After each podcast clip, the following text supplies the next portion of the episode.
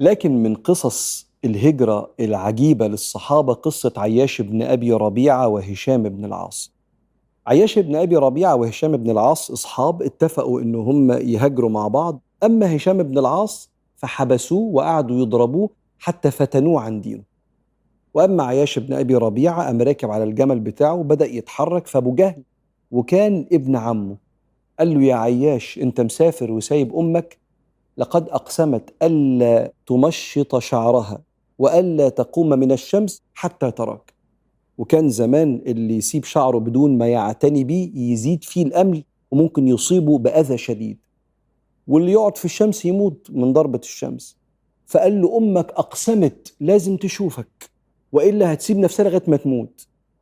فسيدنا عمر كان حاضر المشهد ده قال يا عياش لا تستمع له أما أمك فإن أذاها القمل ستتمشط وإن تعبت من الشمس ستستظل.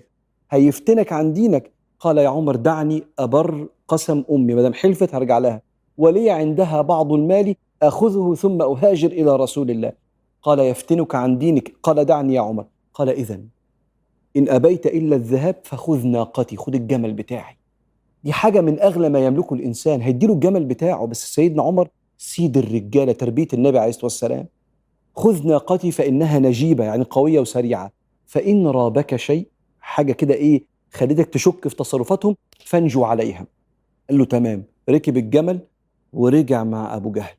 في وسط الطريق أبو جهل قال له يبدو أن الناقة بتاعتي حصل فيها بقت ضعيفة مش شيلاني فاحملني خلفك. فقام نازل وركب وراه وهم داخلين مكة قام خنقوا أبو جهل وربطه وقعدوا يضربوا فيه ودخلوه مكة مضروب وقال هكذا فافعلوا بسفهائكم كما فعلنا بسفيهنا.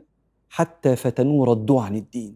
واتحبس عياش بن أبي ربيعة وهشام بن العاص في مكان كده ملوش سقف كده مربوطين هما الاثنين وسيدنا عمر بن الخطاب بعد مرور الأيام وهجرة سيدنا عمر كان يقول وكنت أرى أن الله لا يقبل من هؤلاء المفتونين لا صرفا ولا عدلا. يعني لا فرض ولا سنة. عرفوا الله ثم كفروا به حتى نزلت علينا قل يا عبادي الذين أسرفوا على أنفسهم لا تقنطوا من رحمة الله. إن الله يغفر الذنوب جميعا. إنه هو الغفور الرحيم. وأنيبوا إلى ربكم ارجعوا. وأنيبوا إلى ربكم. وأسلموا له من قبل أن يأتيكم العذاب ثم لا تنصرون. قال وكان النبي في المدينة لأن الأيام عدت النبي هاجر. وكان النبي في المدينة يدعو اللهم نجي عياش بن أبي ربيع اللهم نجي المستضعفين من المؤمنين.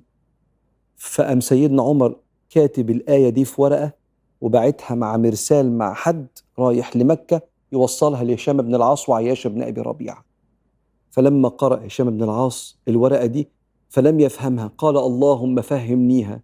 فعلمت ألقى الله في قلبي أنها نزلت في أنا وكل المفتونين وعياش بن أبي ربيعة.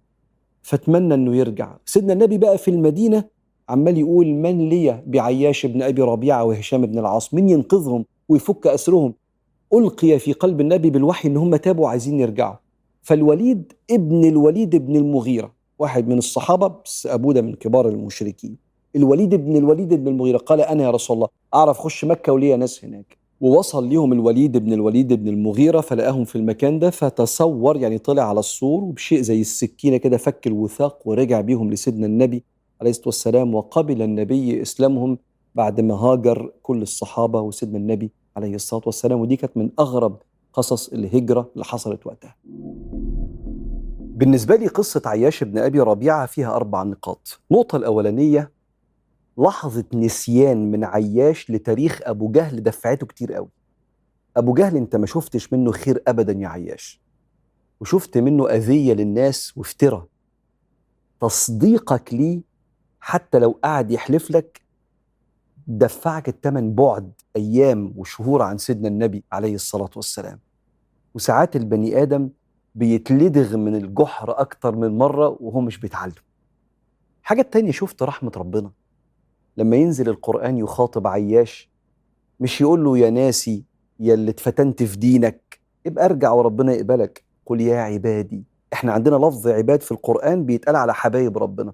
وعباد الرحمن الذين يمشون على الأرض هونا فبشر عباد الذين يستمعون القول فيتبعون أحسنهم.